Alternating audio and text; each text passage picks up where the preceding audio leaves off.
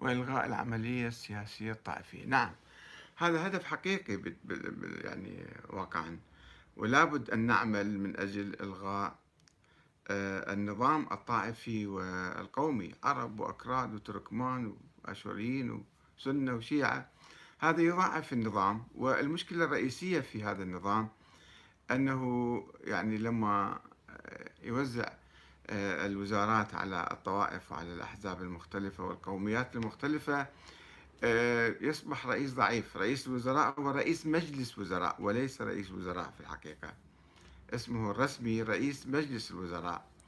ومجلس الوزراء مكون من أحزاب مختلفة وطوائف وقوميات وبالتالي الوزير يأخذ صلاحيته ولا يستطيع رئيس الوزراء أن آه، ينفذ أي وعد يقطعه للشعب. هنا المشكلة في الحقيقة. يجب أن نعمل بهدوء وبسلام وبمحبة من أجل تطوير هذا النظام.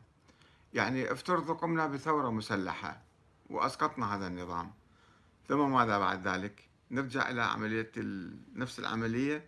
نرجع إلى نظام المحاصصة وإلى البرلمان الموجود حاليا.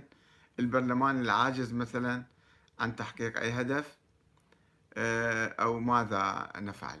هنا السؤال.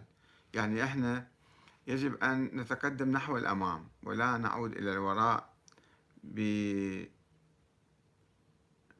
آه، ب يعني نصرف وقتنا وطاقاتنا ونهدر ثرواتنا ودمائنا ثم لا نصل إلى نتيجة معينة. هنا المشكلة.